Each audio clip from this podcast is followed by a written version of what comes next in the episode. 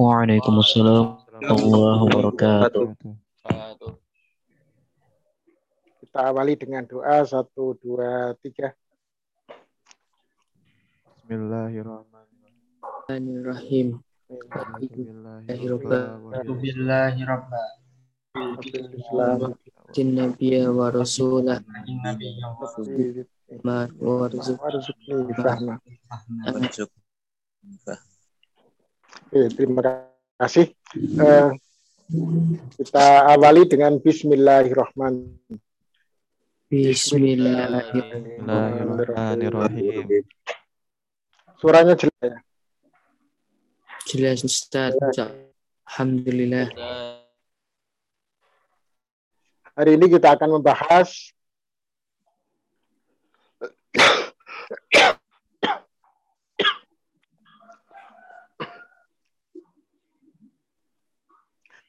prosedur teknis atau metode ijtihad.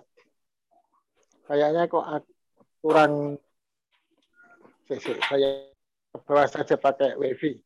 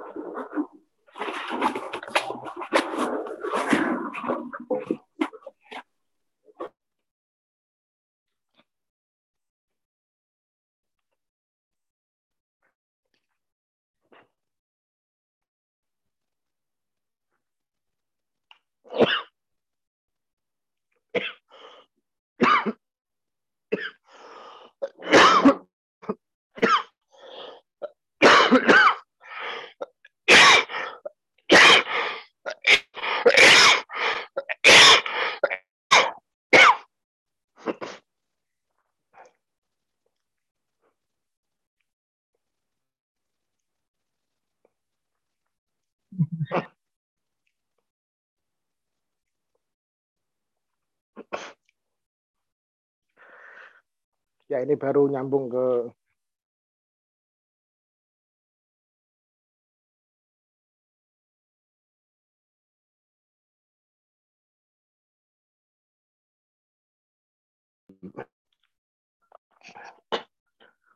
Kayaknya saya nggak bisa jelaskan banyak ini. Batu E nggak kompromi. Iya Ustaz. Apa Ustaz? Mudah-mudahan cepat sembuh Ustaz. Langsung aja sampaikan ya dari kelompok tentang ya silakan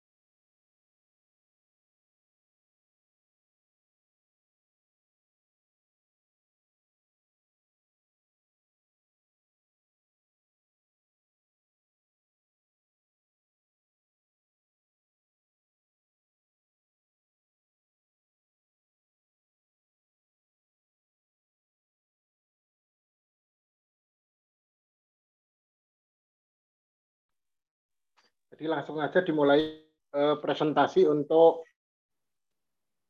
yang pertama adalah Bayani, ya, Bayani atau metode Bayani.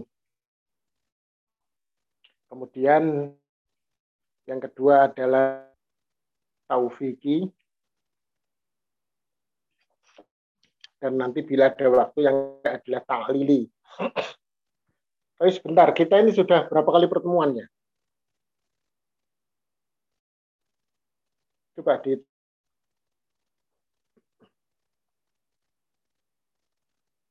setelah semester berapa kali pertemuan kita? semester baru dua kali total baru delapan kali Oh, berarti masih cukup. Berarti nggak harus eh, tiga-tiganya sekarang. Cukup waktunya. Atau kalau sekarang bayani saja, biar lebih apa-apa. kita kan masih 14 kali pertemuan itu masih berapa kali lagi?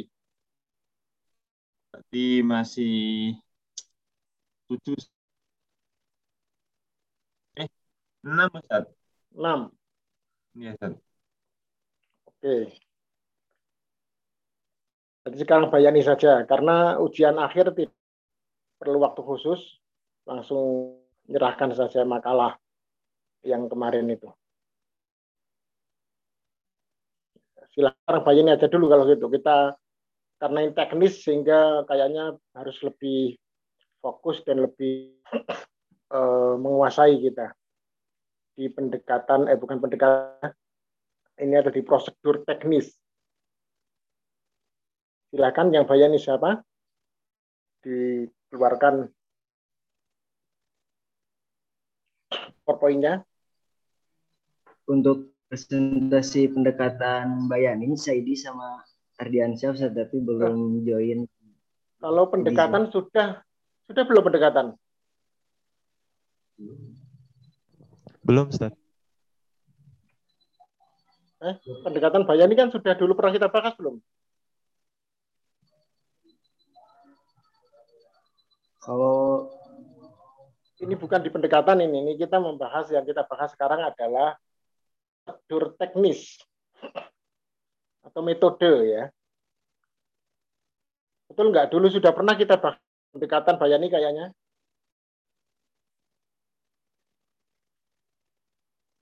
Ya, betul, sudah pendekatan.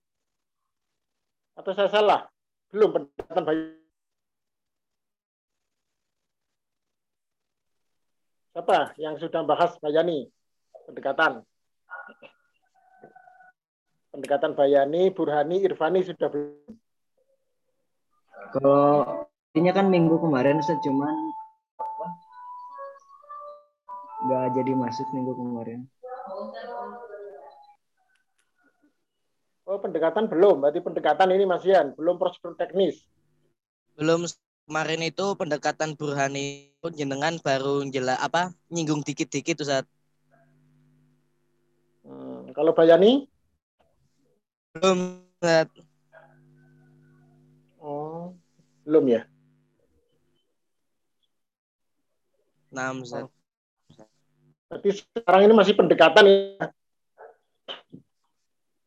Nah, Oke, kalau kalau gitu ya harus dua. Kalau gitu, kalau masih pendekatan ya Bayani dan, dan Burhani. Put- Putri kayaknya sudah belum ya? Pendekatan, pendekatan. Kalau yang Burhani siapa?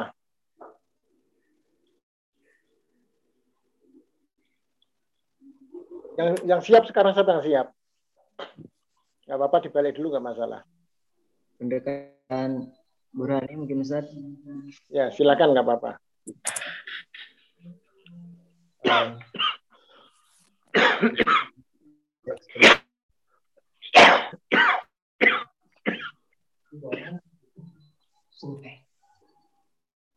Sambil nunggu yang baik.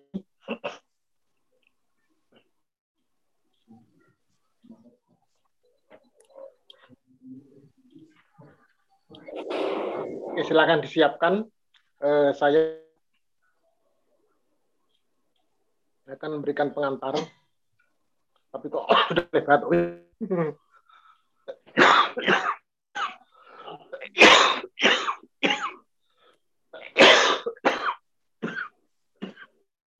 Dimulai aja ya, teman-teman. Eh, sebelumnya apakah eh, sudah terlihat PPT-nya?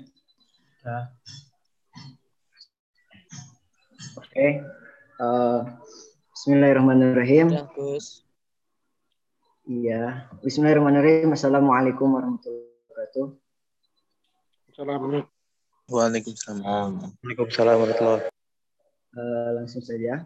Kami dari kelompok berapa ya? Berikutnya saya dan Arman Nurdin insya Allah akan sedikit membahas, menjelaskan manhaj tarjih tentang katan burhani. Eh, mungkin ya harusnya sebelumnya bayani dulu, tapi nggak apa-apa. Eh, dalam ijtihad Muhammadiyah terdapat uh, sebelumnya apakah suara saya jelas? Jelas. Jelas. Pendekatan dalam ijtihad Muhammadiyah. Nah, uh, dalam ijtihad Muhammad ini ya ini terdapat tiga pendekatan yaitu uh, bayani, burhani, dan irfani. Dan ini untuk studi keislaman ya. Adapun yang pertama, pendekatan bayani yang mungkin merupakan studi filosofis terhadap sistem bangunan pengetahuan yang menempatkan teks wahyu sebagai suatu kebenaran mutlak. Dan yang sekarang akan kami jelaskan yaitu tentang pendekatan burhani yang dari nalar burhani, kemudian bermula dari proses abstraksi yang bersifat ta'akuli terhadap realitas. Dan yang ketiga nanti yang akan dijelaskan selanjutnya pendekatan irfani, yaitu pemahaman yang bertumpu pada pengalaman batin atau intuisi atau zauk, kalau bijdan dan lain-lain. Uh, tiga pendekatan ini, jika masing-masing dibiarkan berjalan sendiri-sendiri, nilai manfaat yang dapat sangat minim ya. Dan pula jika dibiarkan hubungan antara satu dengan yang lain yang bersifat linear, maka hanya menghasilkan satu yang lebih unggul dari yang lainnya. Maka Muhammadiyah mencoba ketiganya dijalin e, berkelindan atau erat menjadi satu, saling rapi dan fungsional sehingga hubungannya e, apa lebih menghasilkan manfaat yang akan kita bahas itu pendekatan burhani.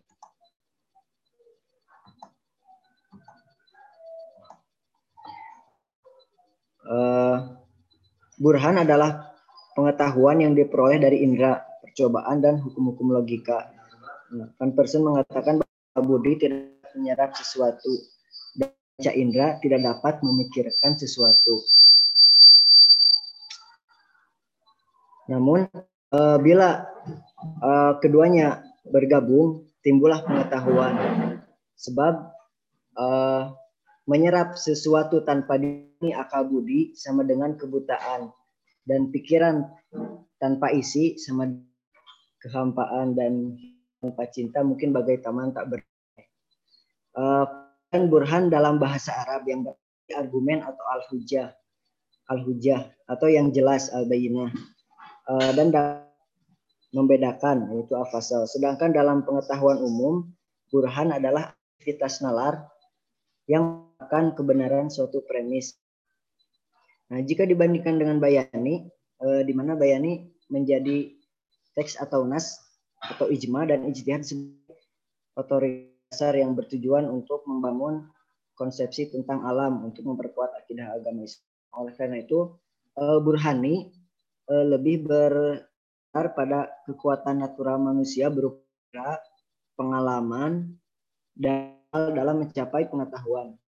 Eh, pendekatan burhani ini berpola pada nalar burhani dan nalar burhani bermula dari proses abstraksi yang bersifat ta'akuli terhadap realitas. Nah, sehingga muncul konsepsi, sedangkan konsepsi sendiri itu aktualisasi sebagai upaya untuk bisa dipahami dan dimengerti. Sehingga di sinilah Eh, ditempatkan kata atau dengan redaksi lain kata-kata sebagai alat komunikasi dan sarana berpikir di samping sebagai simbol pernyataan konsepsi.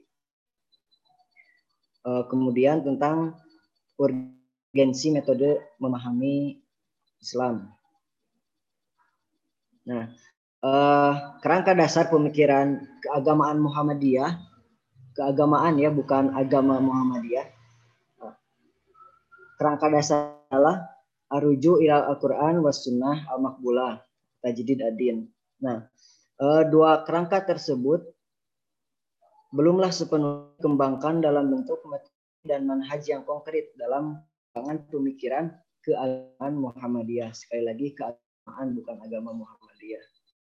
Nah, eh, problematikanya muncul ketika upaya untuk kembali kepada Al-Quran dan Sunnah tersebut diimplementasikan dalam kehidupan sehari-hari uh, banyak cara, metode, dan pendekatan yang dapat dilakukan untuk memahami dan memaknai Al-Quran dan Sunnah.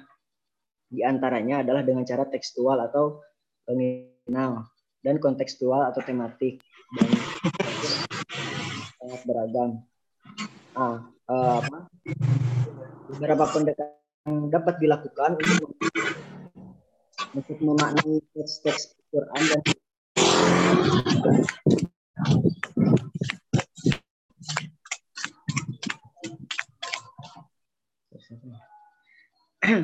uh, beberapa pendekatan yang dapat dilakukan untuk memahami dan memaknai teks, teks Al-Quran dan Sunnah, yakni uh, pendekatan Bayani, Burhani, dan Irfani. Nah, tiga pemahaman Muhammadiyah yang berorientasi pada kemajuan atau tajdid fil Islam selalu menjadikan Islam sebagai sumber pada Al-Quran dan Sunnah sebagai titik tolak pergerakannya yang menjadikan sebagai ukur untuk perjalanan dan hasil kerjanya. Namun dalam perjalanan sejarah, pola tersebut tidak mudah untuk direalisasikan karena ada kecenderungan nas-nas al tersebut oleh masyarakat yang hanya secara tekstual sehingga tidak lagi memadai untuk merespon perkembangan peradaban manusia.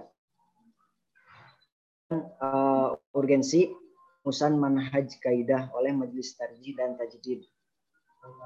Nah, secara manhaj atau kaidah yang dirumuskan oleh Majelis Tarjih dan tajdid PP Muhammadiyah sesungguhnya amat berguna untuk sangat berguna untuk menyamakan prinsip dan pandangan dalam soal pendekatan dan metode kajian. Ah, yang pertama ah, untuk menyatakan pandangan tentang metode analisis atau istihad sehingga dapat dijadikan acuan bersama dalam kajian. Kemudian urgensi yang kedua uh, urgensi perumusan manhajnya oleh Majelis yaitu uh, menyamakan prinsip dan pandangan dalam soal pendekatan atau metode kajian sehingga dapat uh, sehingga jika terdapat perbedaan tidak lagi pada hal-hal yang akan tetap ketajaman dan kesuksesan dalam proses analisisnya analisisnya.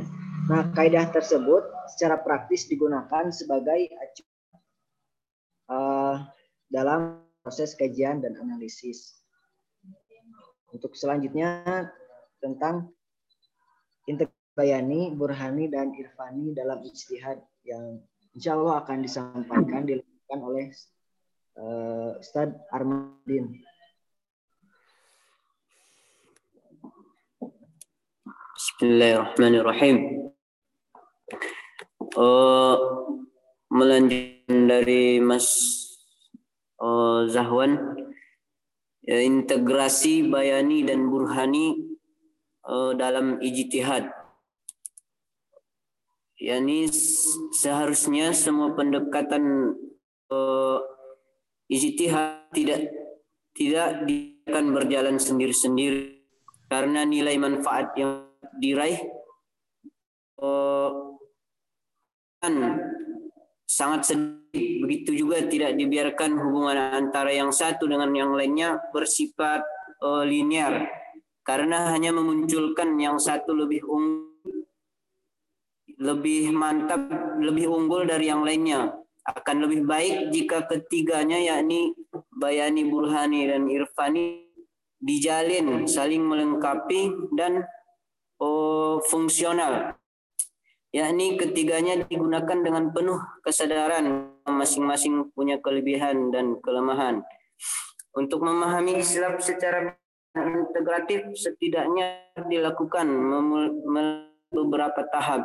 Yang pertama, Islam harus dipelajari dari sumbernya yang yakni Al-Qur'an dan oh, sun dan sunnah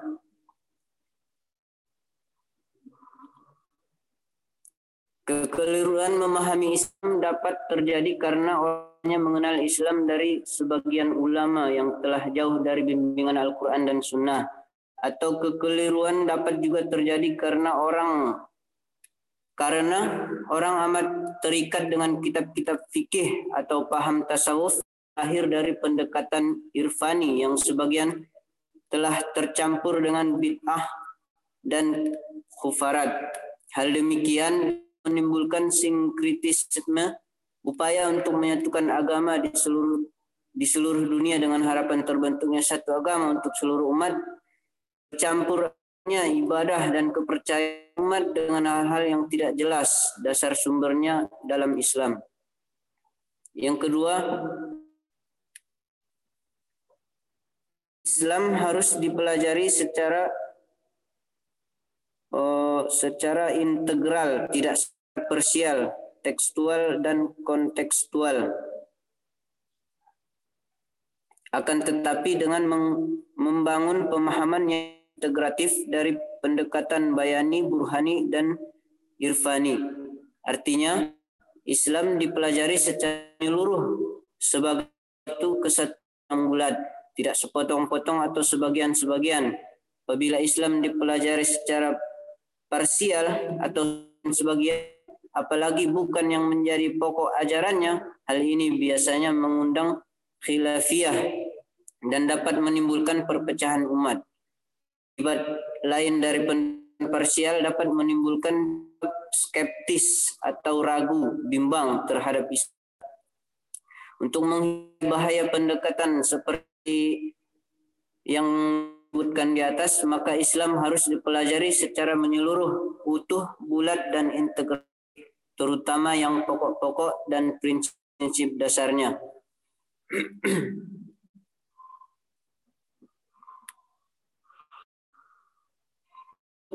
dapat memahami Islam secara integratif diperlukan kelengkapan yang memadai. Di antara lainnya sifat intelektual yakni untuk dapat memahami agama atau fenomena secara menyeluruh diperlukan yang cukup. Yang kedua harus memiliki kondisi emosional yang cukup matang. Yang ketiga yang bersangkutan memiliki kemauan yang memiliki kemauan yang konstruktif yang keempat, berdasarkan pengalaman, yakni adanya kontak dengan berbagai aspek kehidupan yang yang ada hubungannya dengan ajaran Islam. Yang ketiga adalah wawasan studi Islam dapat dilakukan melalui wacana intelektual Islam yang telah ditulis oleh ulama-ulama dan cendikiawan Islam yang salah satunya lahir dari pendekatan budi. Karena manusia menangkap kenyataan dengan cara tertentu, ia juga membicarakannya dengan cara tertentu pula, terutama wacana intelektual Islam abad klasik dan yang pendekatannya lahir dari per, pen, perpaduan ilmu yang terhadap Al-Quran dan Sunnah serta praktik dan pengalaman keberagamaan yang syarat tentang syarat tantangan.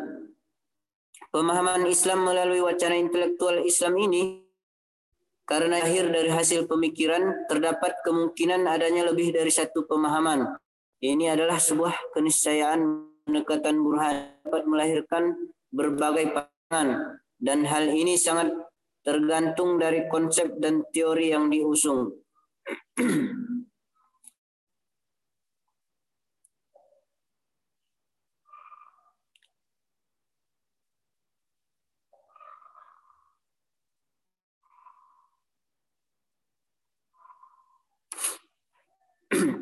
Coraknya ada yang normatif atau dogmatis ya, yaitu oh, tidak mengetik dan ada pula corak rasional ilmiah. Inilah yang mazhab dan aliran-aliran pemikiran dalam Islam pada masa lalu maupun masa sekarang. Perbedaan pemahaman bisa menjadi beberapa faktor seperti karena perbedaan alasan, lingkungan, belakang sejarah, terhadap nas dan lain-lain.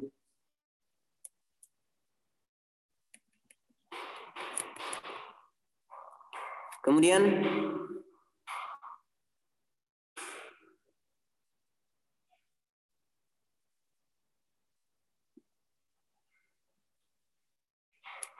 Afan um, apa belum terlihat slide selanjutnya. Kemudian pandangan kontroversial dan mengundang konflik. Prinsip prinsip keluasan itu memungkinkan pula adanya perbedaan dan variasi dalam satu masyarakat didasari oleh objektif dan kesadaran akan kelemahan manusia dalam memahami pesan Allah maka prinsip ini akan berdampak positif bagi pemikiran Islam. Pandangan yang berbeda dan bervariasi ini oh, akan memperkaya intelektual Islam. Yang perlu dihindari adalah pandangan yang kontroversial dan mengundang konflik. Pertama, karena pemahaman keagamaan yang bersifat individual untuk kebutuhan praktis, mengikut sikap atau etik tentang bagaimana seseorang harus memperlakukan diri sendiri, keluarga, tetangga, masyarakat, dan peribadatannya kepada Allah. Ini merupakan fitrahnya manusia yang ia akan berubah sesuai dengan lingkungan dan pengetahuan yang dimiliki oleh seseorang. Semakin berkembang manusia baik secara spiritual maupun intelektual, maka akan semakin menyatu pemahamannya Islam. Yang kedua, pemahaman resmi yang dianut oleh masyarakat atau negara melalui lembaga-lembaganya ia lebih bersifat ideologis yang menentukan perjalanan suatu masyarakat dan bangsa. Yakni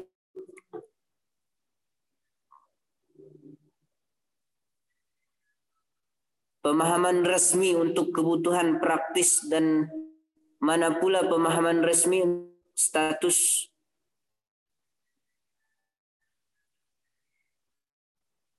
yang perlu dipahami adalah pemahaman resmi untuk kebutuhan praktis dan mana pula pemahaman resmi untuk kuo dalam masyarakat. Yang ketiga adalah apa yang disebut sebagai Islam harokah yang selalu berusaha menggerakkan individu dan masyarakat agar lebih berpegang ke Islam. Islam harokah biasanya tidak pernah puas dengan hasil yang telah dicapai. Karenanya selalu berusaha menuju kepada kesempurnaan.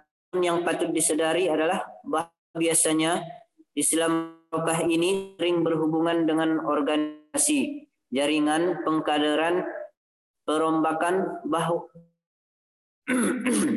bahkan revisi sehingga lebih bernuansa politis. Akan tetapi bila ia tumbuh dalam masyarakat yang normal dan terbuka, kesan politisnya akan berubah menjadi agen perubahan dan pembaruan menuju masyarakat yang sejahtera diridhoi Allah Subhanahu wa taala. Uh, jadi tiga pendekatan bayani, burhani, dan irfan adalah warisan yang tidak bernilai harganya dalam pemikiran Islam. Dan ketiga pendekatan tersebut hingga kini masih banyak kan para pengkaji di kalangan muslim sendiri dan sebagian juga oh, dipakai ya di sebagian non muslim. Majelis dan Tajrid pimpinan pusat Muhammadiyah mengupayakan adanya proses pemaduan pemahaman dari melihat ada peluang dan kemungkinan-kemungkinan untuk menghubungkan ketiga pendekatan ini untuk memahami Islam.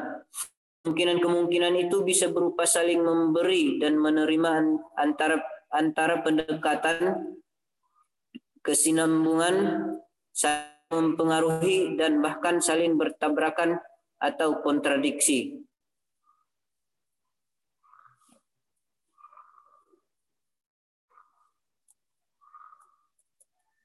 Pembaruan dan pengembangan pemikiran dalam Muhammadiyah meliputi persoalan sosial keagamaan, sosial sosial politik, sosial ekonomi, sains dan teknologi, lingkungan hidup, etika dan rekayasan dan bioteknologi, serta isu-isu yang berkaitan dengan masalah keadilan, demokrasi, hubungan pria dalam Islam, sivil, agama dan kekerasan sosial, spiritualitas keagamaan, penguatan kesadaran moralitas publik, dan hubungan antar agama. Integrasi dan in, in, disintegrasi nasional, kekaan, pluralisme keagamaan dalam pendidikan dan pengajaran, dan lain-lainnya. Setelah diproses pemahaman kerangka metodologis di atas, langkah penting lainnya tidak kalah nilai strategisnya adalah penentuan hubungan antara ketiganya kepatan dan kekeliruan penentuan pola hubungan antara ketiganya menentukan hasil yang akan dicapai.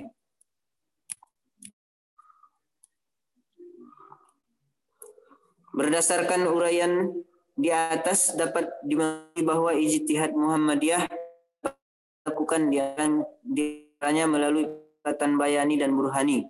Hubungan yang dibangun kedua pendekatan tersebut adalah bercorak spiral, saling melengkapi, saling sempurnakan, lebih bercorak fungsional atau dalam konteks pembahasan penulisan menyebutnya bersifat integratif dan komprehensif. Manhaj pengembangan pemikiran Islam Muhammadiyah ini bersifat toleran dan terbuka. Toleran di sini yakni berarti Muhammadiyah tidak menganggap pendapat yang berbeda dengan putusan uh, Muhammadiyah. Oh, sampai mana-mana itu ya? Itu sudah dijelaskan dulu, nggak usah lagi disebut itu ya. Yang pokok kayak temamu aja ya. Oh, ya Ustaz.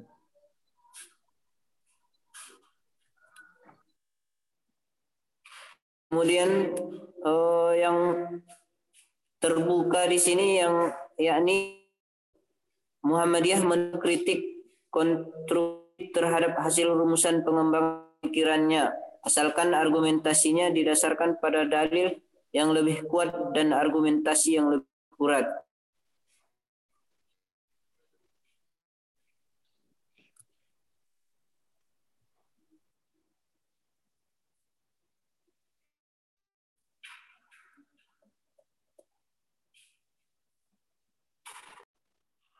Bayani mana Bayani?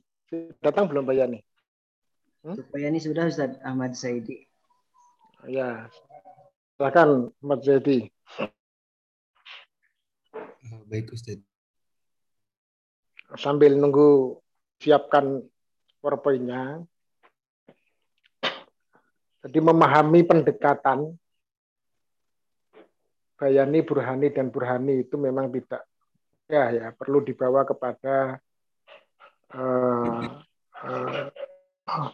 persoalan-persoalan real yang dihadapi oleh Muhammadiyah.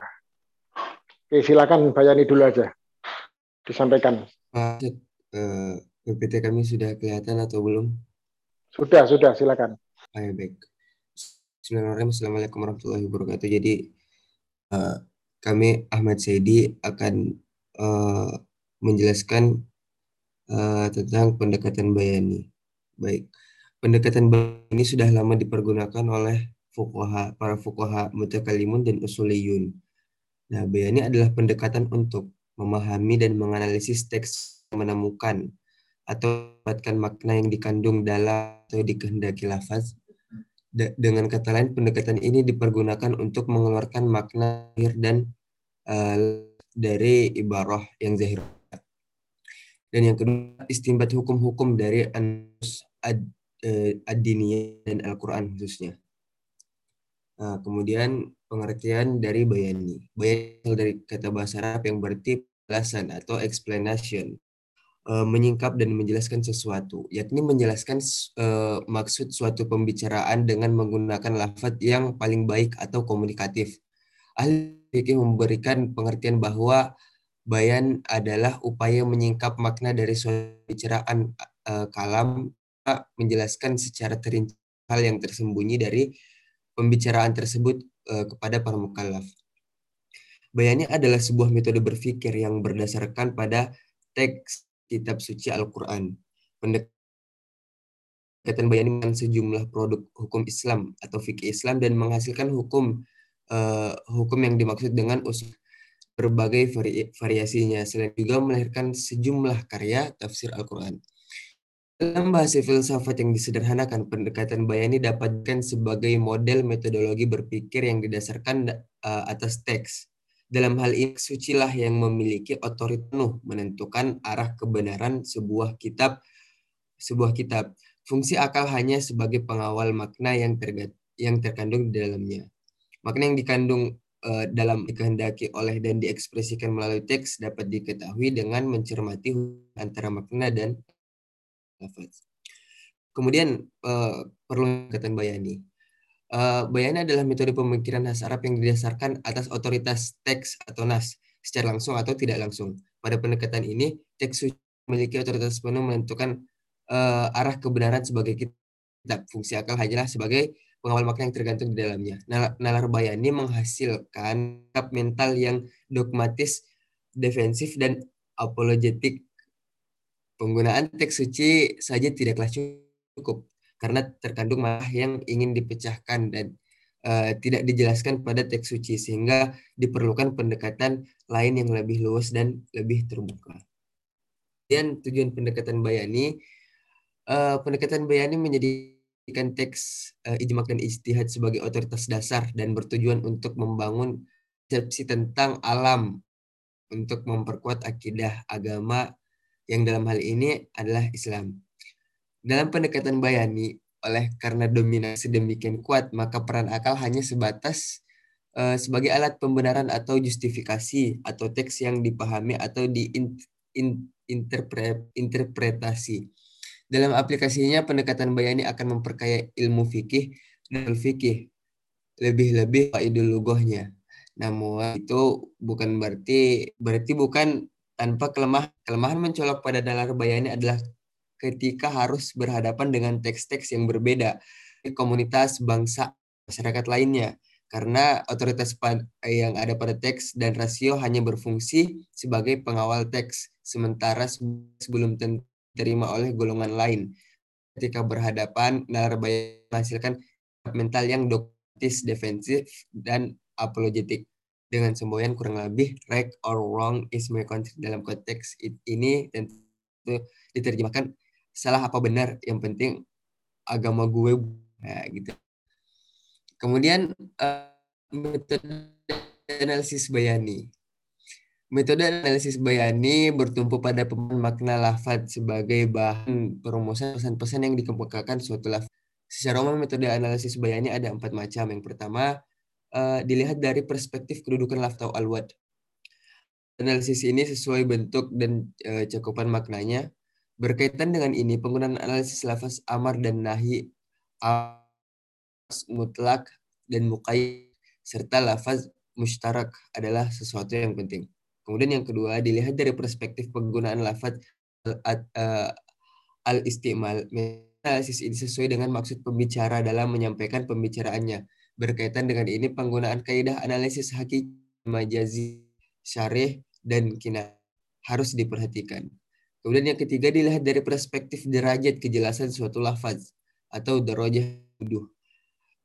Uh, penggunaan analisis uh, wadih dan mubham, muhkam dan mutasyabih, mujmal, mufassar, dan khafi menjadi skala prioritas. Kemudian yang keempat dilihat dari perspektif uh, dalalah atau kandungan makna. Suatu atau torekoh adalah digunakan analisis uh, dengan melihat konteks sehingga bedakan menjadi uh, uh, dilalah al-ibarah, dilalah al-isyarah, dilalah an-nas dan dilalah uh, al-istida al-iqtida.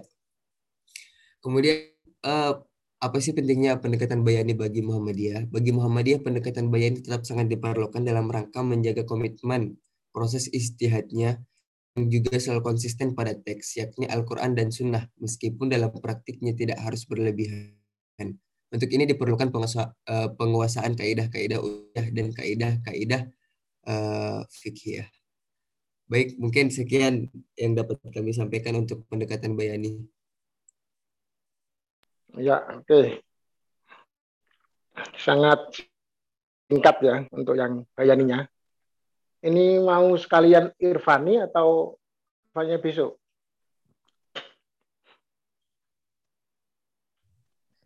Boleh hari ini juga. Irfaninya ada? Ada, Sat. Ya sekalian aja. Silakan Irfani. Nah, Sat.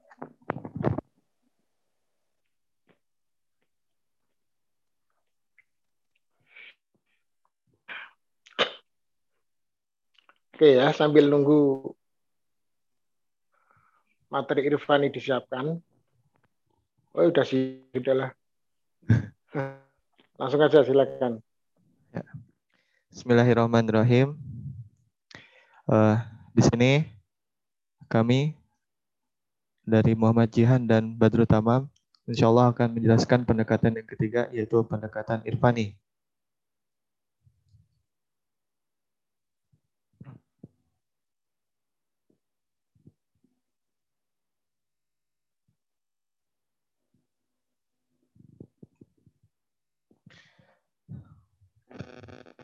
Yang pertama itu definisinya. Kata irfani itu berasal dari kata arafai ya'rifu irfanan. Yang mana secara tradisionalnya itu dimanai sebagai makrifah atau sebagai kasyaf yang diraih melalui latihan batin. Para ahli uh, irfan mempermudahkannya menjadi dua bagian pembicaraan. Yang pertama itu mengenal anakal dan uh, atau zib. Yang kedua itu upaya menyingkap wacana Qurani dan memperluas ibrahnya untuk memperbanyak makna. Nah, irfani itu tidak secara langsung menggunakan akal pikiran karena intuisi naluri yang muncul tiba-tiba. Irfani itu adalah sebuah model pendekatan yang mana bertumpu pada kebaikan yang dipahami oleh Muhammadiyah, yaitu ihsan. Meskipun sebenarnya irfan itu lebih banyak kepada irham dan intuisi, bahkan mimpi. Tapi bagaimanapun burhani dan irfan itu dua-duanya jelas menggunakan akal pikiran. Lalu pendekatannya, pendekatan irfan itu e, berupa upaya meningkatkan kepekaan naruli, nurani, dan ketajaman intuisi batin melalui pembersihan jiwa. Sehingga suatu keputusan tidak hanya didasarkan pada uh, kecanggihan otak belaka, tapi tetapi juga pada kepekaan nurani yang mana didapati dari petunjuk uh, Tuhan yang Maha Tinggi. Oleh sebab itu, kedekatan dengannya. Ini menurut Syamsul Anwar. Prof. Syamsul Anwar. Lalu pendekatan irfani ini didasarkan atas hati dan rasa. Ada banyak istilah yang berdekatan dengan hati dalam tradisi Islam, seperti zauk, yaitu rasa atau kemampuan membedakan benar salah tanpa melihat teks. Eh, lalu yang kedua itu basiroh, yang mana basiroh itu mata batin sebagai kekuatan hati. Yang ketiga itu kolb atau hati, uh, unsur atau unsur nurah, rohani tempat pengetahuan rasa. Lalu wijidan. Wijidan itu adalah gerakan batin yang mengakibatkan sedih atau senang, khususnya terkait dengan interaksi kepada Allah Subhanahu wa taala. Dan yang terakhir yaitu sir, yaitu unsur dalam hati yang bisa menyaksikan Tuhan. Pendekatan irfani ini memiliki akar panjang dalam tradisi Gnostik, yang mana tradisi tersebut ada dalam filsafat Yunani dan praktik spiritual Persia maupun India. Dalam Islam, tasawuf adalah perwujudan dari pendekatan irfani. Namun, pelembagaan tasawuf dalam tarekat dan tasawuf falsafi yang mana cenderung panteistik yang menimbulkan kontradiksi dengan semangat pembaruan dan purifikasi di Muhammadiyah. Meskipun secara prinsip keruhanian adalah kekuatan dasar dari agama. Oleh karena itu, eh, pendekatan irfani di Muhammadiyah itu lebih menekankan substansi rasa untuk menghayati kehadiran Allah Subhanahu wa taala. Rasa untuk berempati pada sesama manusia, rasa sebagai uh, bagian dari dakwah kultural, kultural dan rasa untuk menghindari keterikatan kuat dengan hal-hal duniawi yang syubhat dan haram.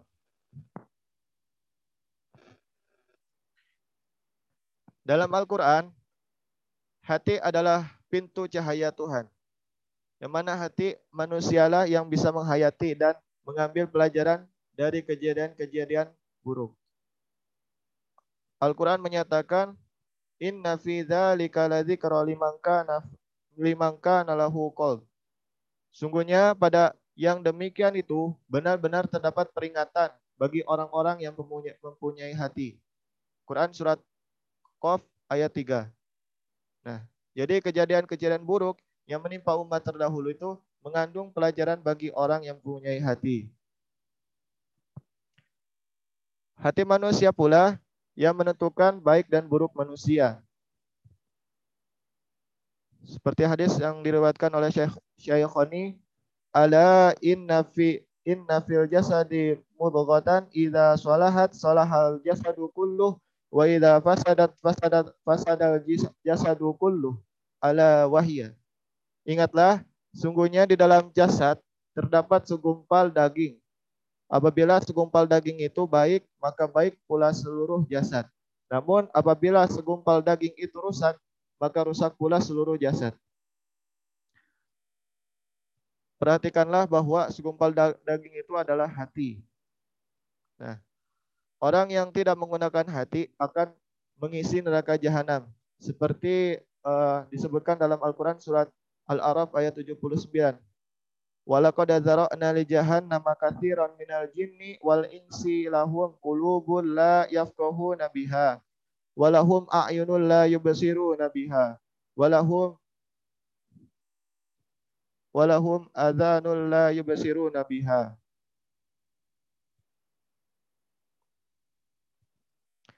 Nah, pendekatan irfani dan artinya itu Uh, dan sesungguhnya kami jadikan untuk isi neraka jahanam kebanyakan dari jin dan manusia. Mereka mempunyai hati tetapi tidak dipergunakannya untuk memahami ayat-ayat Allah. Dalam ayat ya yang tadi itu hati berperan membedakan baik dan buruk sebagaimana akal. Lalu di Muhammadiyah Pendekatan Bayani dan Burhani sudah diterima tanpa keberatan karena sangat jelas praktik dan konsepnya di Muhammadiyah. Namun pendekatan Irfani masih dalam proses pencarian bentuk rumusan. Yang meski elemen-elemen kerohaniannya itu telah dipraktikkan warga Muhammadiyah. Pendekatan Irfani diterjemahkan ulama-ulama Muhammadiyah dengan pengertian yang sejalan dengan semangat dan pandangan keagamaan di Muhammadiyah Pendekatan Irfan ini masih dalam proses pengembangan dan dinamika pemahaman para ulama Muhammadiyah menjadi menjadi wacana yang patut dijadikan kaca benggala. Untuk selanjutnya akan dijelaskan oleh Mas Jihan. Terima kasih melanjutkan penjelasan dari saudara saya Mas Badru eh, tentang Irfani yaitu Irfani ini eh, apa dimaknai dengan Irfani sebagai ihsan. Pengertian Irfan ini yang luas dipakai di, di kalangan ulama Muhammadiyah ihsan. Pengertian tersebut di apa itu di digagas atau di, dikemukakan oleh Profesor Amin Abdullah. Namun eh, di sini memiliki pemahaman yang berbeda-beda di antara ulama Muhammadiyah. Nah, yang itu ihsan dalam konteks menyembah Allah secara khusyuk dan seolah-olah melihatnya. Sebagaimana sabda Rasulullah SAW, anta budallaha ka'annaka tarahu fa illam takun tarahu fa'innahu ya. Yang artinya engkau beribadah kepada Allah seakan-akan engkau melihatnya. Dan jika engkau tidak melihat dan engkau tidak dan jika engkau tidak melihat sungguhnya Allah Rawahu Bukhari. Eh, kemudian yang selanjutnya ihsan juga berarti berlaku baik terhadap sesama. Khususnya terhadap orang tua, kerabat, anak yatim, dan fakir miskin. Sebagaimana Allah Subhanahu wa taala berfirman dalam Al-Qur'an surat Al-Baqarah ayat 83, "Wa id akhadna mitsaqa bani Israila la ta'buduna illallah wa bil walidaini ihsana wa dil qurba wal yatama wal masakini wa qulu nasi husna." Yang artinya dan ingatlah ketika kami mengambil janji dari Bani Israel, janganlah kamu menyembah selain Allah dan berbuat baik kepada kedua orang tua, kerabat, anak-anak yatim, dan orang-orang miskin. Kemudian eh, pada tahun 90-an, Profesor Amin Abdullah, eh maaf, pada tahun 90-an, Profesor eh, Amin Rais mengeluarkan konsep tauhid sosial. Ini ada wujud dan penyembahan kepada Tuhan dan diwujudkan dalam kehidupan sosial. Kemudian Profesor uh, lebih lanjut mengartikan pendekatan irfani ini dengan rasa kemanusiaan atau empati sebagai memaparkan dalam kasus COVID-19 ini. Dalam upaya menaati protokol kesehatan adalah sebagai bentuk atau sebagai bagian dari empati kepada petugas kesehatan. Eh, selanjutnya, eh, sementara itu, Prof. Amin Abdullah juga mengartikan Irfani dengan etika syari dalam budaya. Tidak ke, ke, kebetulan pula kebijakan dakwah kultural di Muhammadiyah bersama dengan mengemukanya manhaj tarjih dan tajdid pada tahun 2000. Eh, beliau mencontohkan ihsan dalam budaya adalah dalam kasus tari-tarian. Nah, jika ada tari-tarian yang tidak menutup aurat, maka purnakan dengan memberi pakaian yang menutup aurat. Kemudian kedua adalah irfani sebagai pilihan lebih baik. Eh, pendekatan irfani dalam hukum diterapkan dengan memilih pendapat yang lebih maslahat dan lebih baik. Eh, pemahaman ini dikemukakan oleh Profesor Rawan Gunawan. Beliau mengambil contoh eh, seperti beliau mengambil contoh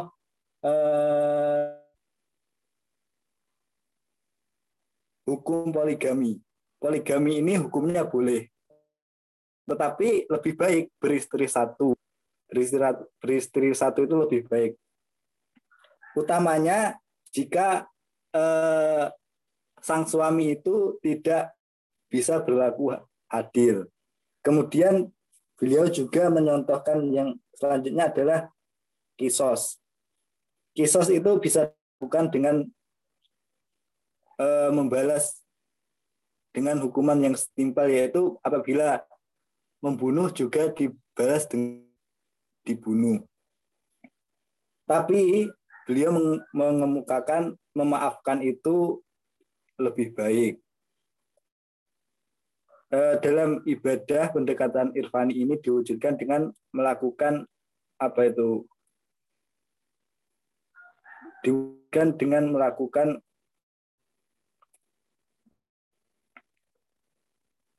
eh,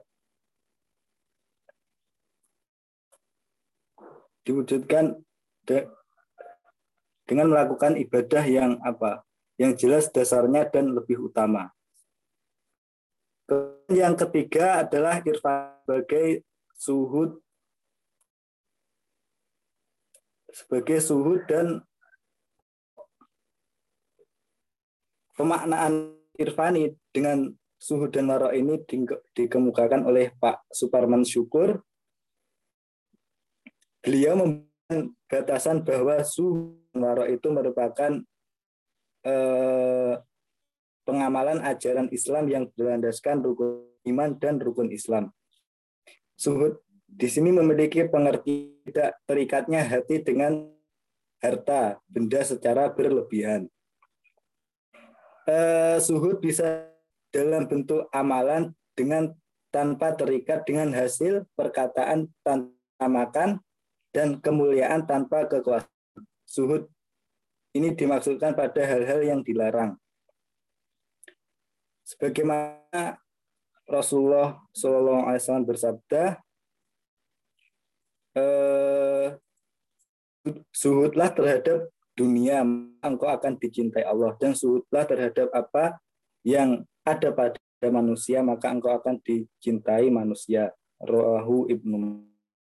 Sementara warok itu lebih kepada kemampuan bertindak untuk menghindari perkara-perkara yang dan hal hal dan hal-hal yang uh, apa itu yang bertentangan dengan hati nurani bertentangan dengan hati nurani perkara itu mudah menjatuhkan pada hal-hal yang dilarang atau haram.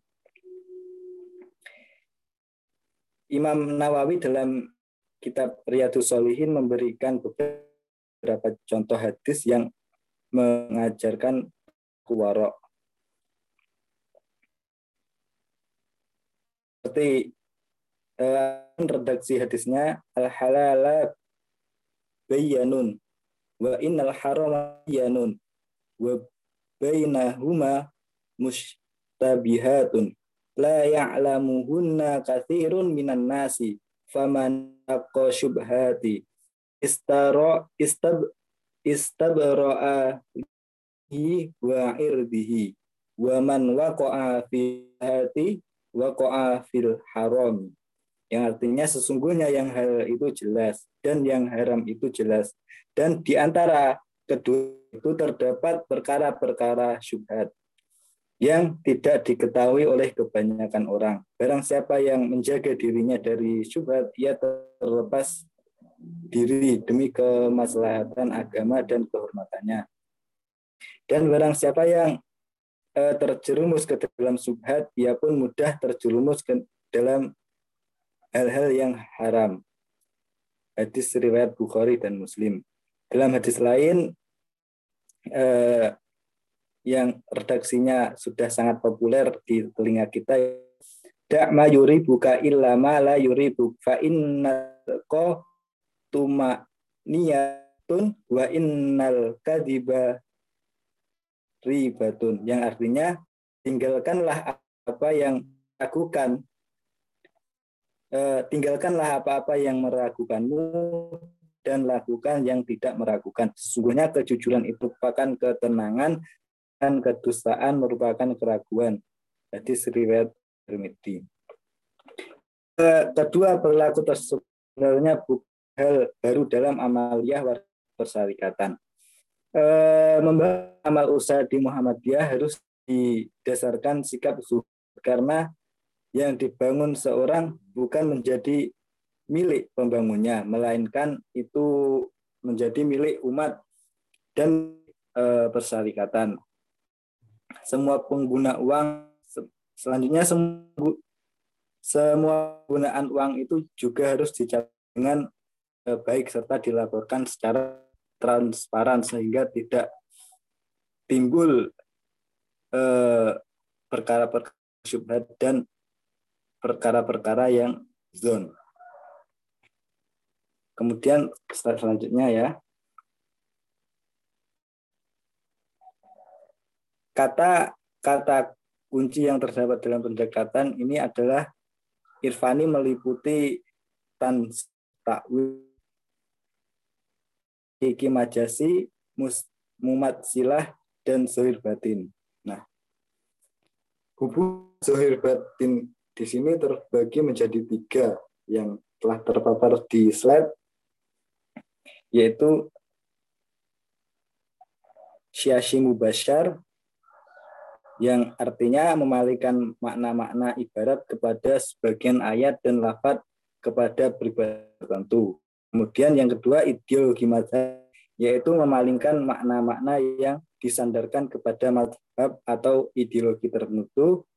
Dan yang ketiga yaitu metafisika yakni memalingkan makna-makna kepada gambaran fisika yang berkaitan dengan ilah al-aliyah al-aql kulli kulli dan nafs al eh, kemudian selanjutnya yaitu contoh penggunaan manhaj irfani yang pertama itu menunaikan sholat dengan menggunakan pakaian yang tidak hanya sekedar memenuhi ke memenuhi batas minimal ke menutup aurat. Jadi dalam berpakaian itu, dalam sholat itu menutup aurat sudah hanya sholat. Namun dalam kehidupan nyata itu kalau kita sholat hanya menutup pusat men, sampai apa ini lutut itu dipandang kurang etis karena dalam sholat itu itu menghadap kepada Allah.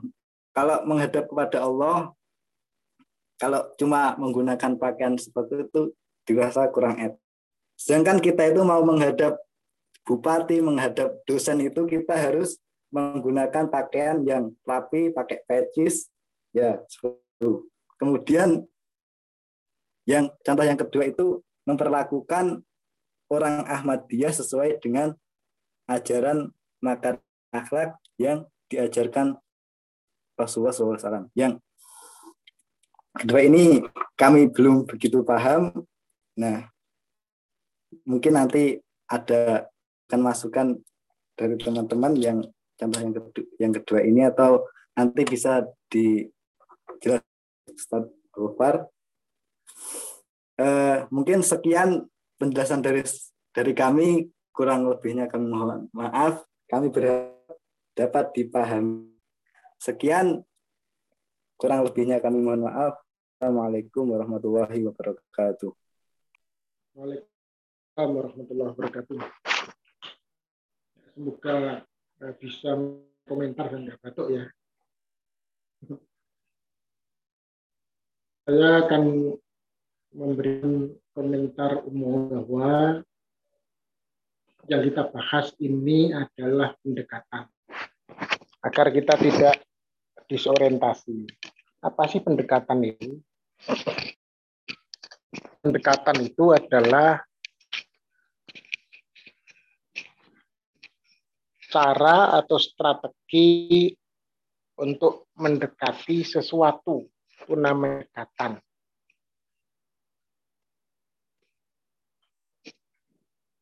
Sehingga pendekatan itu dia lebih eh, lebih aktif daripada sekedar wawasan atau perspektif, tetapi tidak terlalu masuk aktif seperti metode. Jadi pendekatan itu semacam paradigma. Ya, pendekatan itu paradigma atau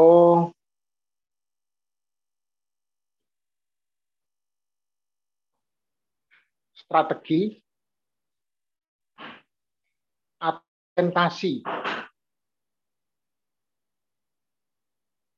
Maka dari tiga pendekatan ini kita tahu bahwa Muhammad itu ingin menyatukan antara teks, akal, dan dan hati. Jangan sampai dalam uh, sebuah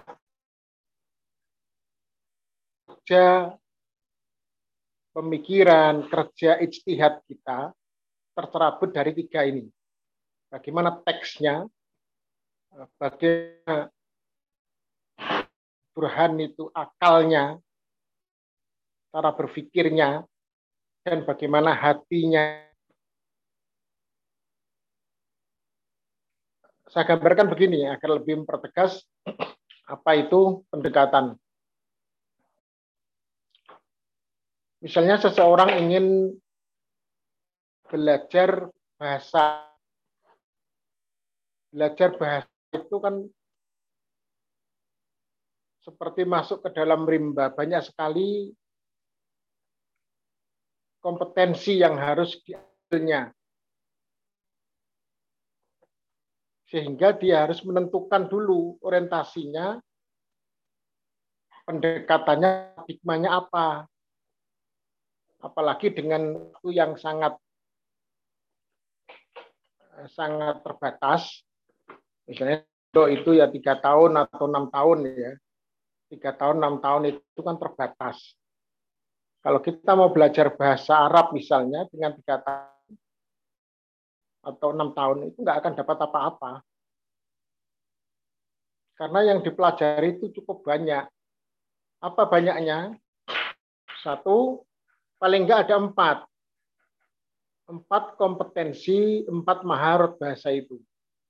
Yang pertama adalah maharot istima, mendengar, yaitu kemampuan mendengar dan memahami orang lain berbahasa itu kita paham.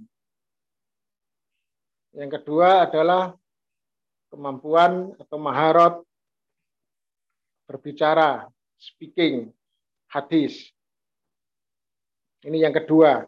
Jadi mulai dari yang mudah, istimak paling mudah, baru kemudian berbicara yang kedua. Yang ketiga ada maharot kiroah, membaca. Yang keempat, maharot eh, kita writing menulis dalam bahasa Arab. Kalau tiga tahun kita mempelajari empat ini, mau berapa SKS mau diberikan? Nggak akan bisa. Karena itu perlu yang namanya pendekatan, perlu yang namanya paradigma, perlu yang namanya orientasi agar fokus dan berhasil. Oke, karena PUTM itu hanya tiga tahun, kita fokus kepada eh, maharot ah. Hanya satu yang diambil. Konsekuensinya apa? Mungkin kalau ada orang Arab ngomong ya Nabi UTM kan belum saja, nggak terlalu paham. Karena yang diambil bukan di istimewa. Ada Arab juga nggak bisa ngomong. Karena bukan maharotnya bukan apa? Bukan speaking. Hmm. Beda gontor. Gontor 6 tahun itu pun dia ngambilnya adalah istimewa dan speaking. Justru dia tutup dengan benar sampai ikrop-ikropnya, ya nggak bisa kayak PUTM. Kenapa? Itulah orientasi yang disebut dengan pendekatan. Lah Muhammadiyah meletakkan pendekatan bayani, burani, dan irfani. Ini dalam rangka untuk mendekati persoalan-persoalan yang dikaji, dipelajari, dipecahkan dalam rangka memudahkan umat. Ada berapa sih persoalan dia itu? Hanya empat kok. Bisa dilihat dalam MKCH itu hanya empat. Anda jelaskan banyak sekali itu, maksudnya empat itu. Masalah akidah, masalah ibadah, masalah akhlak, dan muamalah duniawiyah. hanya empat itu nggak ada yang lebih. Jadi ada masalah sosioekonomi, sosiopolitik, demokrasi, puan, tinggal masukkan saja di muamalah duniawiyah itu. Ya.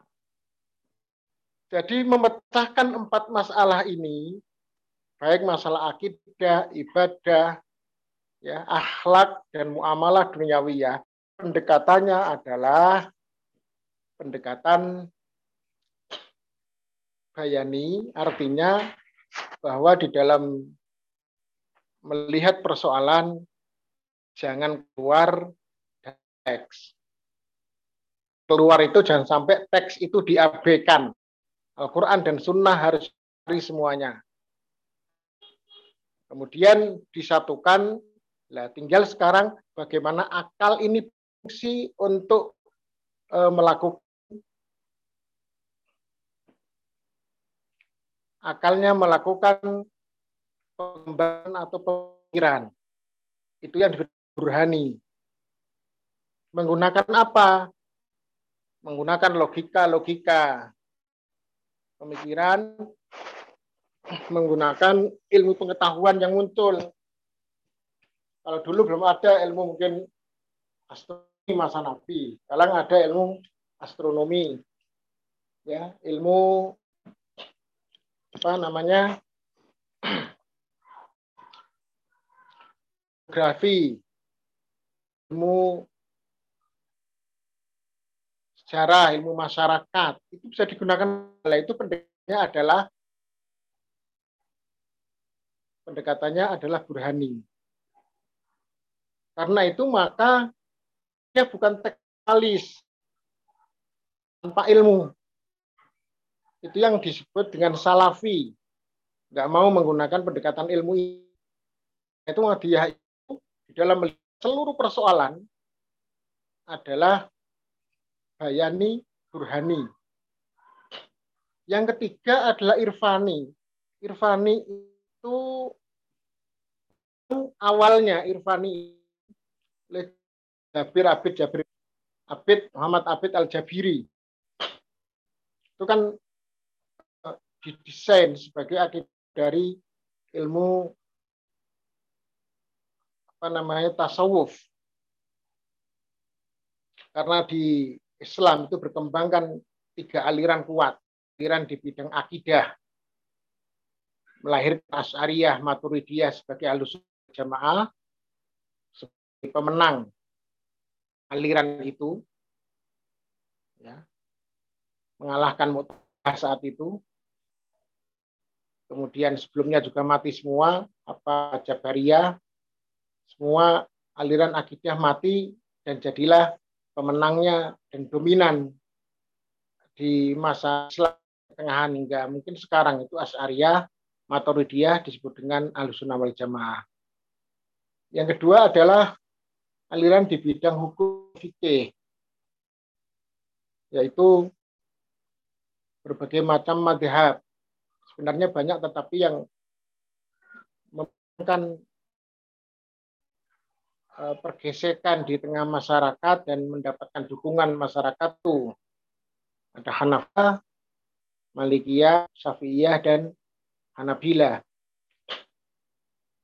Kemudian yang ketiga adalah aliran di tasawuf atau tokoh berangkat dari keinginan untuk makrifat kepada Allah. Lah irfani ibaratnya dari sini tetapi siapa kaum salaf dan Muhammadiyah mau tidak mau kita harus katakan Muhammadiyah itu kaum salaf. Beda dengan salafi ya.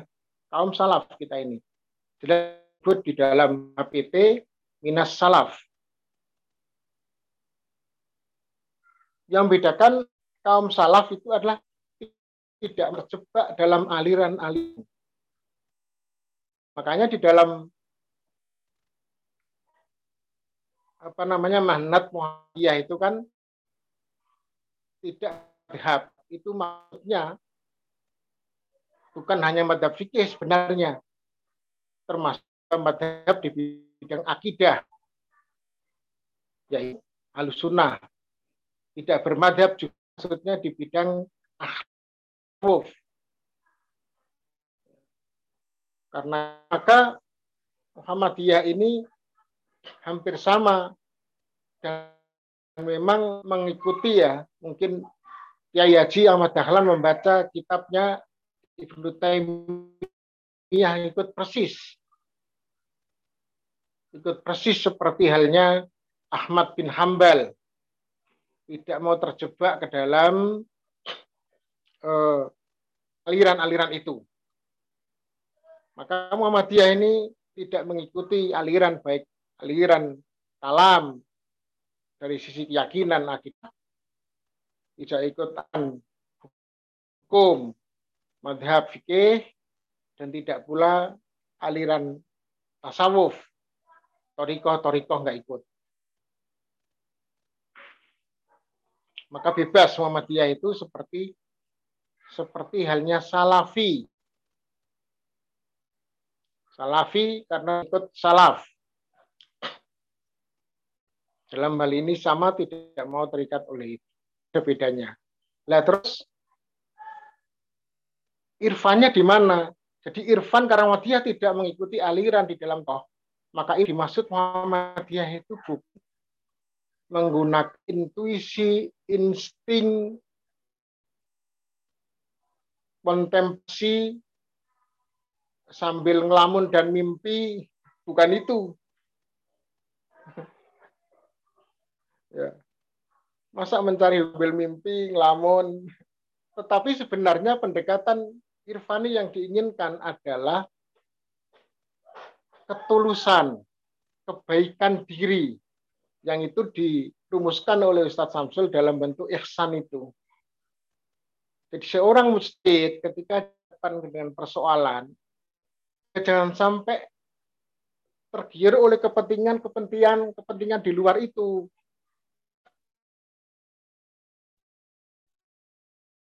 Jadi ada ketulusan. Nah, sekarang ini kan yang namanya hukum dipesan ya. Hukum hukumnya halal bayar berapa? itu kan ada kepentingan itu. Ya, tidak lagi karena syariah. Ya begini, ini yang memang oleh Muhammadiyah itu dimasukkan di irfani itu. Jadi irfani itu adalah sebuah eh, sebuah kontrol diri seorang mustahid, seorang mikir, majelis-majelis tarji dan yang lainnya ketika menemukan persoalan hendaklah dia itu memandang ke depan lurus. Dia berbuat jangan sampai dia tergiur oleh kepentingan-kepentingan kepentingan lain. Ya. Karena memang yang begini ini rentan ya sangat rentan Selain di dalam siniat dan praktek ihsan ini, juga di dalam kan kerja istihadnya harus senanta, senantiasa berbuat ihsan juga. Maka ihsan ini diletakkan oleh tar untuk memberikan makna irfani itu memiliki makna yang dalam. Di dalam ihsan itu di situ ada waro. Di situ ada zuhud sehingga seorang ustadz tidak tidak kemaruk ya. Ada waro, zuhud, taubat ya. Dan mungkin sifat-sifat yang lain yang baik Anda bisa baca untuk menyempurnakan ini yang khusus Irfani ya, Anda baca kitab tasawufnya Hamka. Anda tulis itu di tasawuf Hamka itu tasawuf Muhammadiyah. Itu buku cukup lama tapi menggambarkan bagaimana orang Muhammad katakan sufi itu yang seperti apa. Jadi sufi di Muhammadiyah itu bukan orang yang ke mana-mana pakai sarung, atau pakai apa gamis ya yang sebulan tidak dicuci ya. bukan ini atau yang bawa tasbih sufinya Muhammadiyah bukan sufinya Muhammadiyah itu tadi di dalam hati itu ada ketulusan kebaikan ya dan itu harus mendasari semua aspek kehidupannya. Karena itu di dalam dia berijtihad, berpikir, eh, menetapkan hukum. Tiga pendekatan ini harus berjalan secara seiring sejalan, yaitu bayani, teks, Al-Quran, dan Sunnah harus diambil semua, nanti dengan model istiqro maknawi, nanti di akhir akan saya gambarkan bagaimana caranya ya. Lalu yang kedua adalah dari sisi burhani itu pandang eh, akal pikiran, logika yang digunakan termasuk juga kias ya. Jadi kias, ilat, kemudian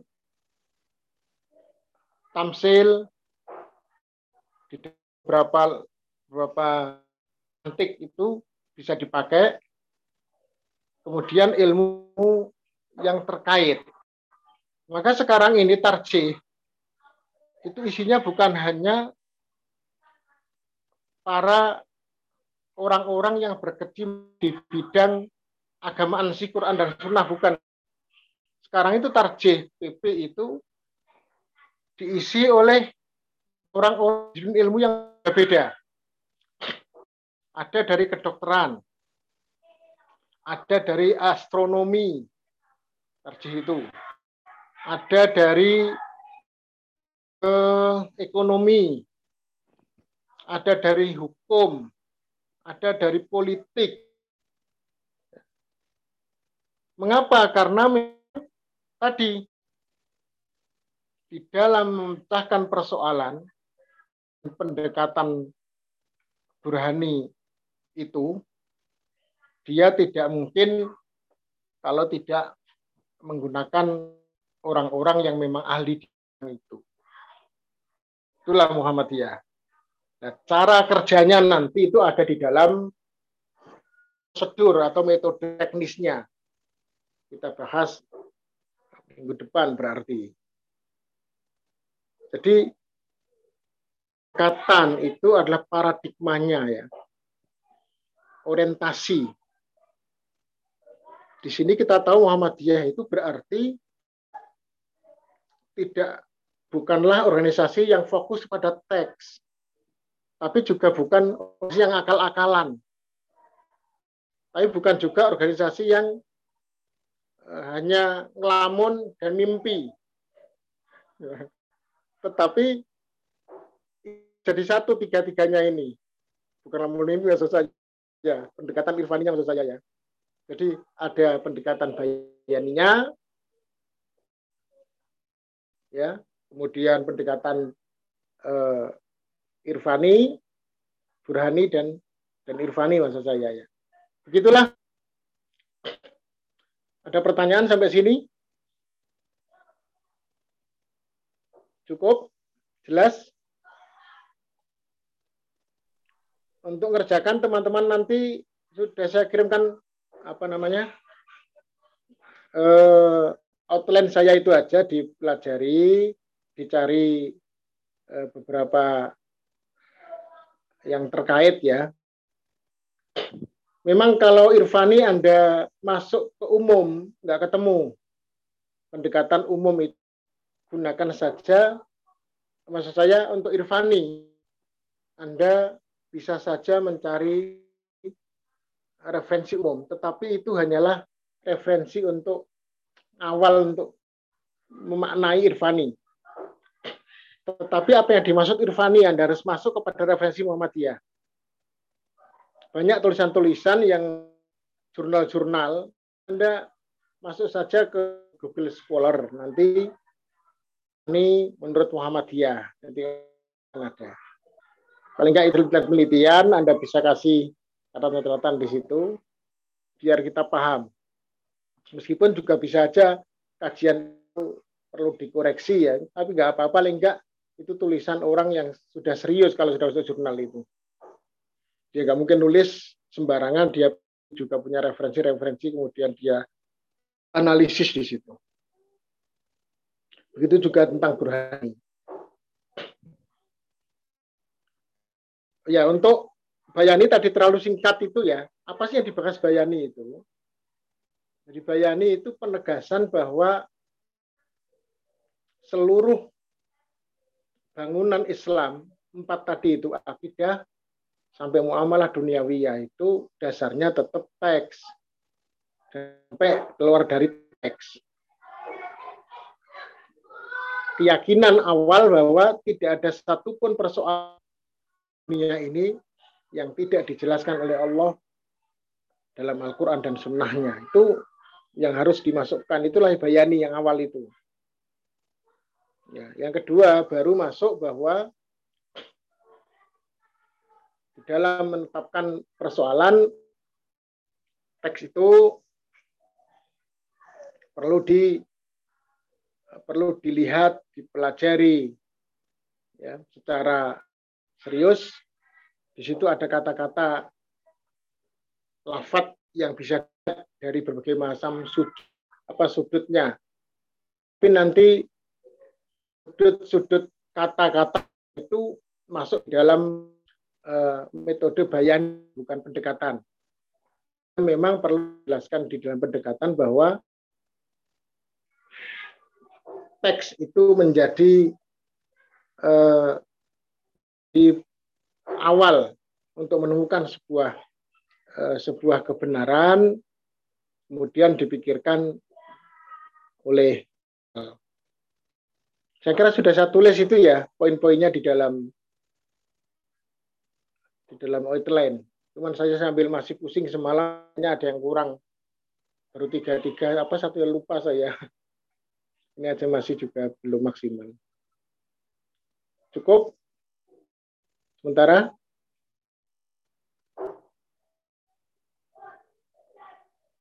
Cukup mungkin. Sudah cukup? Nggak ada pertanyaan? Mungkin cukup Ustaz. Tidak Cukup, ada. ya. Oke ya, terima kasih. Kita akhiri dengan alamin.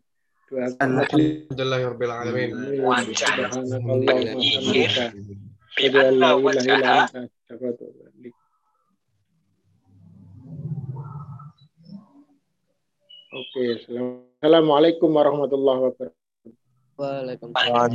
Warahmatullahi wabarakatuh. Warahmatullahi wabarakatuh.